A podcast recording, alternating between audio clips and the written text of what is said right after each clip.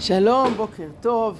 השיעור מוקדש לעילוי נשמת רבקה משה בת רבי יעקב, יצחק יעקב בן מנחם, לרפואת רות בת אסנת, עליזה בת אלו עליה, בתוך שאר חולי ישראל. פרשת נוח, הכותרת הראשית שלה זה המבול.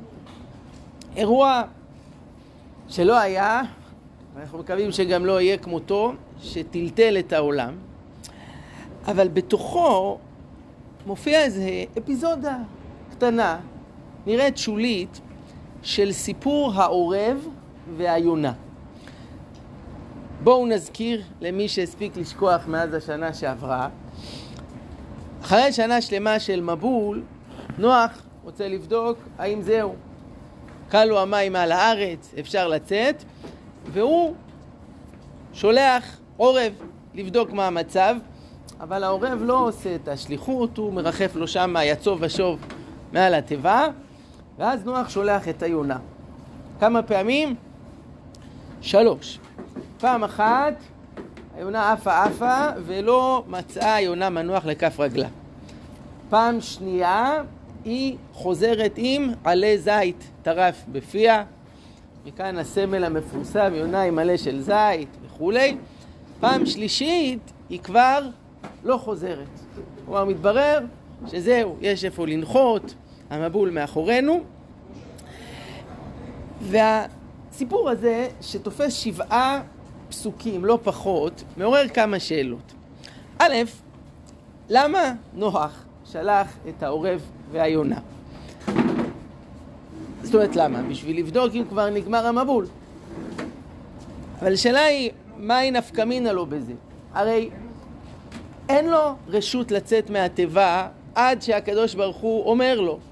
הננו הרות, זה מה שקרה בסוף. גם כשהתברר לו שכלו המים מעל הארץ, הוא לא יוצא עד שויאמר השם לנוח, צא מן התיבה. הוא נכנס בציווי השם ויצא בציווי השם. אז מה אכפת לך מה המצב? זה לא תלוי בזה, זה תלוי רק במה שהשם יגיד לך. תראו לעצמכם איזה אסיר שיושב בצינוק, הוא מתעניין, תגיד, גשום בחוץ, קר, אתה מה אכפת לך? אתה לא בחוץ, אתה בפנים. אתה לא יוצא גם אם תרצה. אז מה אתה משלוח את העורב והיונה? זאת שאלה אחת. תודה. שאלה שנייה, נגיד שלנוח זה כן היה משנה. הוא היה נורא סקרן, אשתו לחצה עליו, הוא רצה לדעת. אבל למה התורה מספרת לנו את זה? התורה הרי לא כותבת סתם דברים מפני שהם קרו. אם התורה כותבת משהו, צריך להיות לזה נפקא מינה לגבינו אלפי שנה לאחר מכן. ומבחינתנו מה זה משנה? הוא שלח את העורב, העורב סתם מסתובב. שלח את העונה פעם אחת, שלח אותה פעם שנייה, חזרה עם זה. פעם שלישית. תכל'ס, שורה תחתונה, מה יוצא מכל הסיפור? שבסוף התברר לו שיבשה הארץ. אז מה, מה, מה זה משנה? מה בדרך? מצידי שישלח רחפן. תכלס, התברר שיבשה, יבשה, אבל עורב, יונה, עוד פעם יונה, עוד פעם יונה, למה מספרים לנו את כל זה? שאלה שלישית, שאותה שואל הנציב, ראש ישיבת וולוז'ין, הרב נפתלי צבי יהודה ברלין, יש לו פירוש על התורה בשם העמק דבר. ושם הוא אומר, אפילו אם נגיד שהיה חשוב לנוח לדעת, וחשוב גם לנו לדעת, אבל למה דווקא עורב ויונה? יש הרבה עופות, למעשה נוח היה לו לבחור את מי שהוא רצה, הרי היה לו שם בתיבה אה, עית ונץ ושחף ועורב ויונה זה לאו דווקא החיות, העופות הכי מהירות, אה, הכי אה, חזקות, הכי מוכשרות, הכי אינטליגנטיות, עורב ויונה. מה הסיבה שהוא בחר דווקא בשני אלו? טוב, אז ברור לנו שכל השאלות האלה מובילות לכך שמונח פה משהו בסיפור הזה של העורב והיונה שהתורה רוצה ללמד אותנו. ולא פעם דרכה של התורה להשתמש בכל מיני סמלים כדי לבטא רעיונות עמוקים. עורב, מה המשמעות שלו? יונה, מה היא אומרת?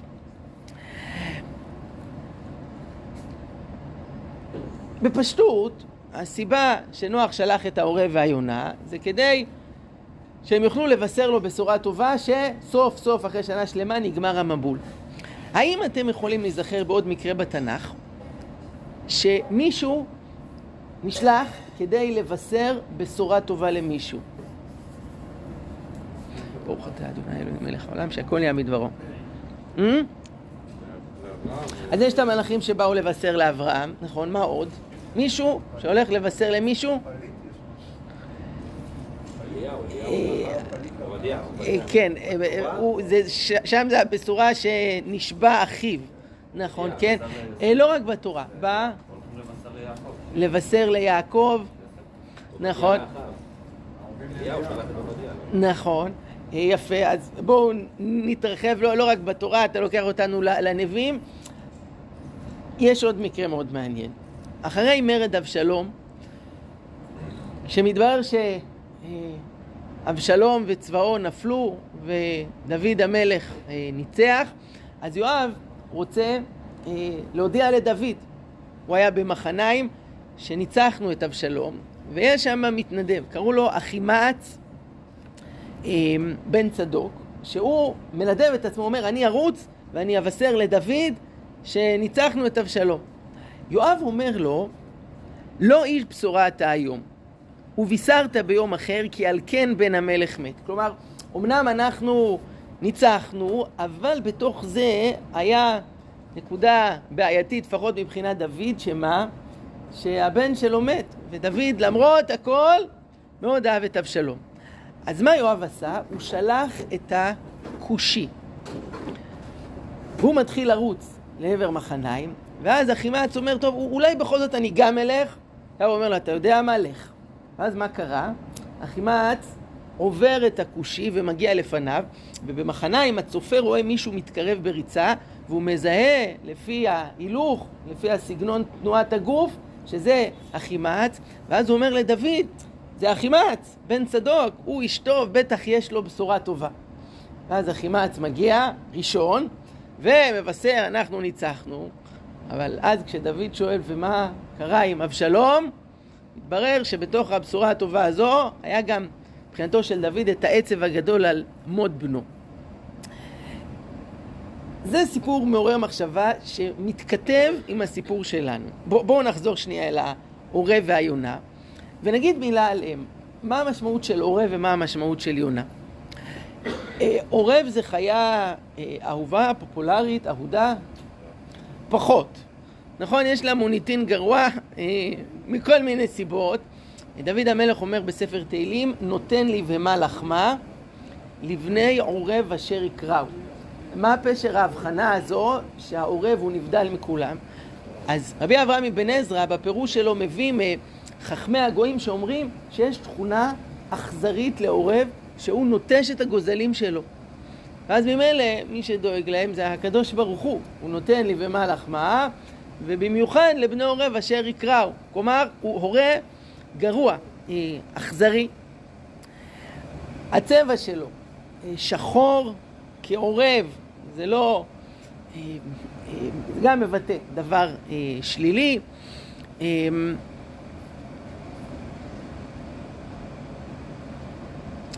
נגיד בסוגריים, יש איזה מדרש מעניין לגבי העורב, ששם כתוב שכאשר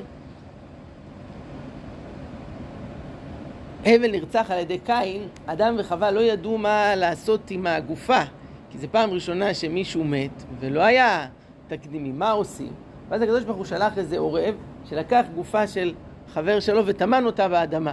כך אומר מדרש. ואז הם למדו מהעורב כן, אה, שצריך לקבור באדמה, יוצא לפי זה שהעורב היה החברה קדיש הראשון, ואולי מפה המנהג שהמכוניות של החברה קדיש הזה שחור, כמו עורב, זה זכר. טוב, זה נקודה מעניינת. בכל אופן, עורב, מה עוד אנחנו יודעים עליו? זה חיה אה, לא כשרה לאכילה, לא מקריבים אותה במקדש. ויש בספר באר מים חיים, מגדולי החסידות, הוא אומר שהעורב זה אותיות עבירה. חז"ל אומרים שכשהיו בתוך התיבה, אז היה צורך לפרוש איש מאשתו. לכן התורה אומרת, תיכנס אל התיבה אתה ובניך, אשתך ונשי בניך. כלומר, גברים לחוד, נשים לחוד. כשיצאו מן התיבה, איך כתוב? אתה ואשתך ובניך ונשי בניך. כלומר, שוב, מתחברים יחד בזוגיות, כי כשהעולם בצער, אז אדם צריך גם להרגיש את עצמו בצער ולהימנע מתשמיש, והיה מי שפרץ את הגדר, וזה היה העורב ששימש בתיבה. אומר, עורב, כשאתה עושה את זה בכתיב מלא, זה אותיות בו רע. קיצור, כל מה שאמרנו עד עכשיו, עורב זה לא החיה סימפטית, אנשים מגדלים תוכים, כל מיני ציפורי שיר, אף אחד לא מגדל עורב בתור חיית מחמד. והגדיל לעשות אורח חיים הקדוש, שאומר חידוש שבאמת נוח לא שלח את העורב מהתיבה, אלא מה הוא עשה? הוא גירש אותו מהתיבה, זרק אותו. בגלל שהעורב קלקל בתיבה, העורב חטא, הוא פשוט שלח אותו. זה גם מדויק בפסוקים, כי לגבי היונה כתוב, וישלח את היונה לראות, עקה המים. בשילוח של העורב מה כתוב? וישלח את העורב מהתיבה. אז זה בכלל חידוש, לא כמו שחשבנו. הוא לא שלח אותו, הוא זרק אותו מהתיבה. עד כאן העורב. טוב, מה אתם אומרים על היונה? או, יונה, יונה זה סמל השלום, אה, יונה זה סמל האהבה, הינך יפה רעייתי, עינייך יונים, יונתי בחגבי הסלע בסתר המדרגה, הריני את מרייך, השמיני את קולך. חז"ל אומרים, כנסת ישראל נמשלה ליונה, בגלל הצניעות שלה, בגלל הנאמנות שלה. יונה זה חיה מונוגמית, אחרי שבחרה לה בן זוג, לא נוטשת אותו אה, בשום מצב, וכך עם ישראל נאמנים לקדוש ברוך הוא, יש ברית ביניהם. יונה זה גם חיה אה, כשרה לאכילה, זו חיה שמוקרבת אה, במקדש. קיצור, ממש ההפך מהעורב, השחור, היונה, הלבנה, היפה, סמל השלום, האהבה. טוב, נחזור אל בשורת סיום המבול. אז אמרנו קודם שכשהיה צריך לבשר על הניצחון על אבשלום, מצד שני על מותו, מעדיף יואב לשלוח את הכושי ולא את החימץ. בעניין שלנו, הבשורה על תום המבול, איך להגדיר את הבשורה הזאת? טובה, רעה, גם וגם?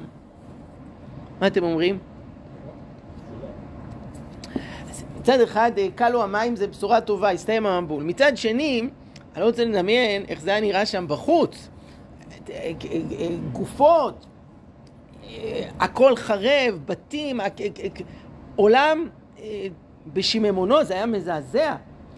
אז בצורה כזאת, לכאורה הכי מדהים לשלוח את העורב, וזה מה שנוח עושה, רק שהעורב הזה לא משתף פעולה. הוא מסתובב, מסתובב, מסתובב, ולכן אין ברירה, ונוח שולח את היונה, זה ממש מזכיר את הסיפור, עם הכושי מצד אחד, שוב כושי, הצבע, שחור וכולי, והחימה, שהוא איש טוב, היונה שמבשר את הבשורה. אז זה כיוון אחד, להבין את סיפור העורב וה, והיונה. אבל על גבי זה, אני רוצה לתת כיוון נוסף. על פי הקבלה, העורב הוא מבטא את מידת הדין, והיונה את החסד. דוגמה לכך, יש עוד מקום בתנ"ך שמוזכר עורב, או יותר נכון עורבים. שהוא זוכר? נכון, אליהו. מה?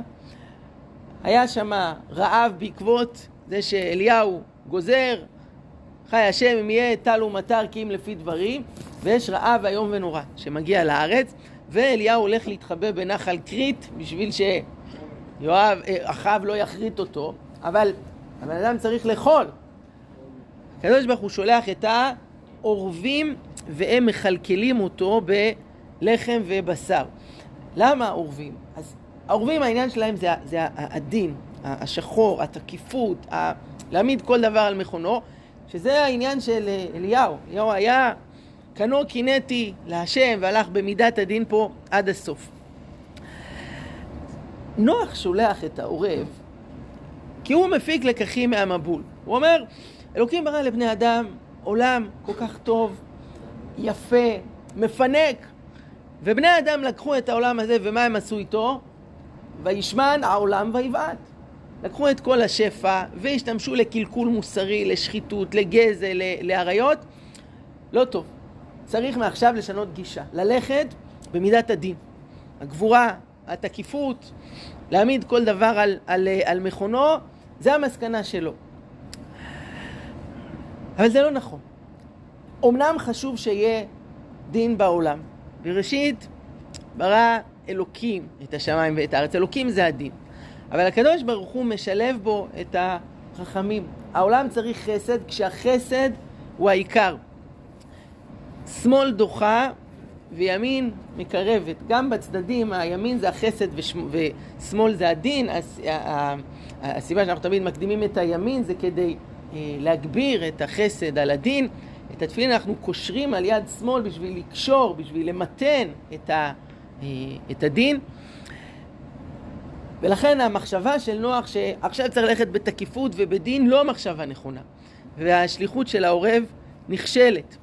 כאילו שאין עמידה לדין, לא מצא מקום לעמוד. כן, אין קיום לעולם רק במידת הדין, העורב מסתובב אבל זה לא מצליח להתבסס. נוח שולח את היונה, צריך לקרות בהדרגה, שלב אחרי שלב, אבל בסופו של דבר עולם חסד ייבנה. ומה שצריך להוביל, גם אחרי התיקון, זה החסד. וזה גם, אז אנחנו לא מוותרים על, ה, על הדין. חז"ל אומרים, מי שאומר שהקדוש ברוך הוא ותרן, יוותרו חייו. הנצרות תפסה לה את החסד בצורה טוטאלית. הרי שם לא משנה מה אדם עשה, הוא צריך רק להתוודות לפני הכומר והכל נמחק לו. אבל הדת הזו, דת החסד, הביאה לשפיכות דם ורצח שלא היה כמותה בהיסטוריה. צריך גם את הדין, אבל ביחס בין שניהם, שמאל דוחה, אבל ימין מקרבת והימין צריכה לגבור על השמאל. וזה גם מתחבר לנו לעניין של הקשת. למה נבחרה דווקא קשת לסימן לאות שלא יהיה, שלא יהיה מבול? נודה על האמת שנצבט לנו הלב כל פעם שאנחנו רואים קשת, כי זה תופעת טבע יפהפייה, אחת המרשימות. רק שאם אתה דתי, אז מי אתה אומר לעצמך, וואי, יכול להיות שהיה עכשיו צריך לבוא מבול, ורק בגלל ההבטחה, זה, זה מקלקל. אי אפשר לבחור איזה תופעת טבע אה, פחות סימפטית בתור סימן של המבול. איזה רעמים, עננים שחורים, סופת טורנדו, למה דווקא קשת יפה? איך נוצרת קשת? קשת נוצרת מהחיבור של קרני השמש, שעוברים דרך הלחות שבאוויר. כן, הרי למה זה רק בחורף ולא בקיץ? יש לחות באוויר, והאור שנפגש עם הלחות של המים יוצר את הקשת היפהפייה. ויש בזה מסר. מים זה דבר עם כוח אה, אדיר, אה, לטוב אבל גם לרע. אה, פה בישראל, ברוך השם, אנחנו לא פוגשים את זה, אבל יש אזורים בעולם שיש לפעמים גלי צונאמי איומים שיכולים לשטוף לך ערים שלמות, אה, להפיל בניינים, אה, עשרות אלפים יכולים להיהרג מזה. מים בכוח אדיר. הקדוש ברוך רוצה להגיד לאדם, יש לך כוח אדיר בידיים. הוא יכול להביא גלי צונאמי, הוא יכול להביא, להביא מבול. אה, הרב זקס, זכר צדיק לברכה, עוד מעט היורצת שלו, כותב משפט יפה, אלוקים נשבע שהוא לא יביא עוד אה, מבול שישמיד את העולם. אבל אין ערובה שהאדם לא ישמיד את העולם. כלומר, האדם ביכולת שלו, בטח עם הנשק הגרעיני, אה, השבוע ביידן הודיע שיש להם 3,700 פצצות גרעיניות. כמה יש לרוסיה, כמה לסין, כמה לצפון קוריאה, אנחנו לא יודעים. אבל בואו נגיד שאפשר להשמיד את כדור הארץ אלף פעמים עם כמות הנשק הגרעיני שיש לנו פה. לאדם יש כוח השמדה אדירה. הקשת באה להגיד שאת הכוח החזק של האדם צריך להפגיש עם האור, אור החסד, אור התורה, אור האמונה, ואז יכול לצאת מה, מהניצוצות האלה של המים דברים מדהימים ויפים. כלומר, אותו כוח שעלול להביא מצד אחד מבול הרסני, יכול להביא גם אור גדול, קשת יפהפייה, וזה תלוי באדם, שהוא ייקח את הכוחות שלו ויחבר אותם עם אור החסד של התורה. אני רוצה לסיים את. הלימוד שלנו, דיברנו פה על היונה והעורב, ואם אני מסכם, אנחנו פה בשני כיוונים. אחד, את הבשורה על תום המבול, נוח רצה לשלוח את העורב, כמו שיואב רצה לשלוח את הכושי, אבל בסופו של דבר היונה היא זאת שנשלחת לבשר את הבשורה. ועל פי הקבלה, העורב והיונה זה הדין והחסד. נוח חשב שאחרי העולם צריך ללכת עכשיו בדין וב... תקיפות. אבל לא, צריך דין שהוא משולב בחסד, כשהחסד, האהבה גוברים על הדין. שמאל דוחה, אבל העיקר ימין מקרבת. ואומרים גדולי הפוסקים והמחנכים, גם אם בדורות עברו הדרך החינוכית, ההנהגה הציבורית הייתה יותר בעניין של דין, היום זה לא עובד. צריך הרבה יותר אהבה וחסד. אם בעבר היה כתוב דברים תקיפים, איך להתייחס לאנשים שהם מחללי שבת בפרהסיה וכדומה, כבר כתב החזון איש לפני מאה שנה, שהיום הדרך זה לקרב אותם בעבותות של אהבה. טוב, אז אה, רק אני אחתום, דיברנו על היונה שלא מצאה מנוח, אז אנחנו בערב שבת קודש, ואחת מזמירות שבת המפורסמות ביותר, יום שבתון, אין לשכוח, חיבר אותה לא אחר מאשר אה, רבנו יהודה הלוי, ושם הפזמון אומר, יונה מצאה בו מנוח. מה הפשט בזה? האם היונה מצאה מנוח ביום השבת? אז אה, אני לא מכיר מקור לזה שבפעם השלישית שהיונה עפה זה בדיוק היה בשבת ואז היא כן מצאה מנוח. אני לא יודע, אם תראו לי אני אשמח. אבל הכוונה בשיר לאיזה יונה?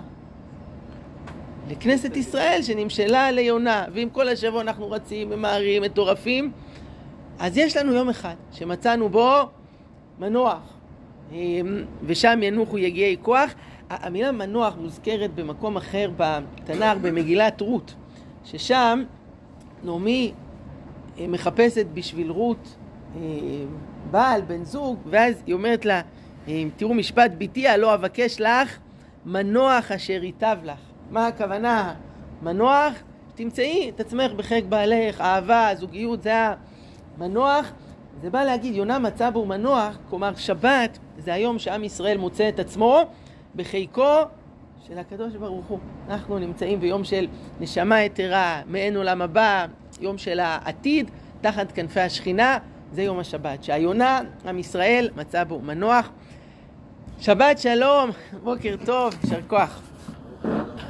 אה, שנייה, עוד, עוד דבר שכחתי רק, עוד משפט עם אה, אליהו, אמרנו שהוא היה האיש העדין, קנו קינטי, אז מה הוא רואה שם במחזה? לא באש השם, לא ברוח השם, לא ברעש השם, אלא בקול דממה דקה. הקדוש ברוך הוא מנהיג בדממה דקה, בשקט, בנחת, ואליהו שלא מצליח להתחבר לזה מוחלף באלישע, שדרך ההנהגה שלו היא אחרת. גם אליהו לעתיד לבוא, יבוא יום ויהיה שינוי, והוא יבוא בשביל להשיב לבבות על בנים ולב בנים על אבותיו, במהרה בימינו, אמן.